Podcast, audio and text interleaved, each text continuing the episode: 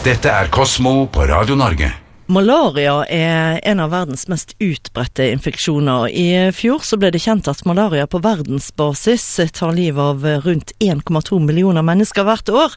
Og nå viser ny forskning at malaria rammer hardere i kjøligere områder.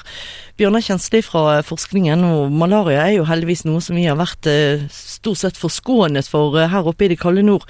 Gjør disse føene at vi kanskje bør forberede oss på at malariautbrudd er noe som kan komme til å skje også i Norge i fremtiden? Uh, nei, egentlig ikke. Uh, og det har ikke så mye med temperatur å gjøre, egentlig. Det er mer fordi uh, vi har andre myggtyper, og fordi vi bor i veldig gode hus. Så malaria i Europa er ikke veldig sannsynlig nesten uansett hva slags temperatur malariamyggen liker, eller, eller, hvor varmt det blir her. Så, så, dette har å gjøre med Afrika, og Latin-Amerika og, og Sør-Asia. og Det er der malaria er i dag, og der det er der malaria vil fortsette å være uansett. Ja, for hvis vi bare hadde sett på temperaturen, så er en varm norsk sommerdag egentlig på å si varm nok til at malaria sprer seg, eh, kanskje til og med på sitt mest effektive? Ja, absolutt. Eh, fordi malaria nå som de har funnet ut, sprer seg mest effektivt rundt 25 eh, grader. Og det er mange steder i Europa hvor temperaturen ligger på det om sommeren. Og vi har også noen myggtyper i Norge som, som biter da, mennesker, og ikke bare suger blod fra, fra, dyr og mennesker, sånn som de aller fleste myggtypene her oppe gjør. Så det går an, og vi har hatt malaria i Norge før, for 100 år siden, men da bodde vi også ganske annerledes enn det vi gjør i dag. Men det er en økning av malariatilfeller i Hellas f.eks.?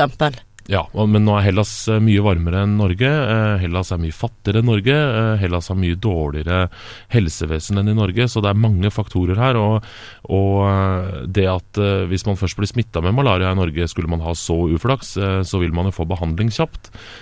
Og da vil ikke, vil ikke malariaen kunne spre seg heller. Så det er, det, er, det, mange ting som har noe å si her. Men klimaet f.eks., vil ikke det også kunne være med på å forverre sykdomsbyrden, om jeg kan kalle det for det, i eh, enkelte land og, regioner? For generelt sett så vil jo eh, vi kanskje oppleve det at det blir varmere også på, på vår del?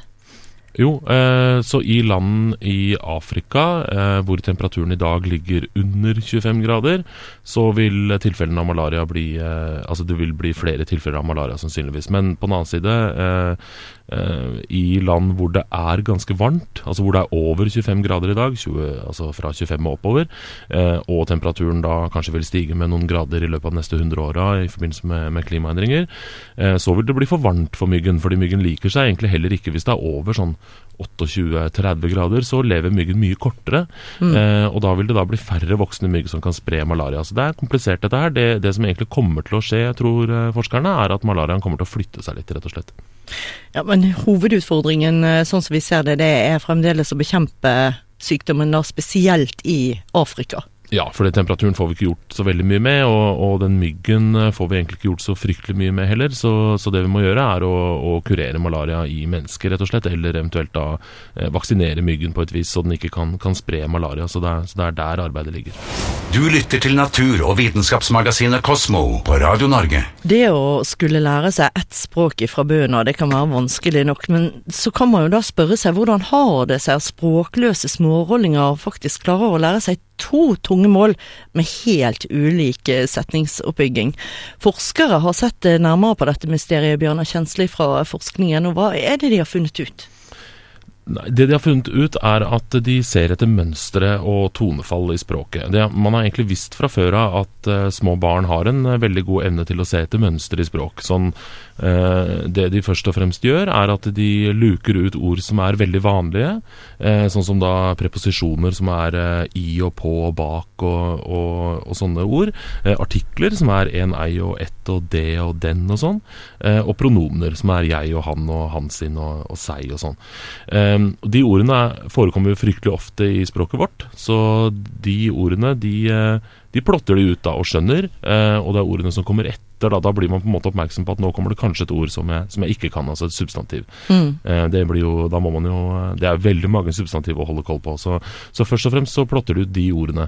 Eh, så det er, det er, den vanlige måten å lære språk på. Men eh, problemet oppstår jo da når man skal lære to forskjellige språk, og ikke bare to forskjellige språk, men språk som er helt forskjellig konstruert, som norsk og japansk f.eks. Ja, for, for, da får man en utfordring hvis man f.eks. har en uh, ja, norsk far og en japansk mor. Hvordan i all verden holder man styr i, i kaoset da? Nei, fordi da, eh, da er mønsteret eh, i språkene faktisk motsatt. Så da kommer eh, I norsk da så kommer eh, eh, det vanlige ordet først, altså f.eks. ett hus. Ett er jo et veldig vanlig ord, og, og, hus er ikke så vanlig, for det kan jo være ett glass eller, eller, noe helt annet. Ehm, eh, og Sånn er det på norsk, mens på japansk f.eks. så er det omvendt. Og det er f.eks. på tyrkisk også, og en del ja. andre språk òg. Ja. Da, og da eh, kommer da substantivet først, og så kommer, eh, eh kommer eh, artikkelen eller, eller, det andre ordet. Um, så da bruker barna andre metoder for å kunne lære seg språket, og det går på tonefall.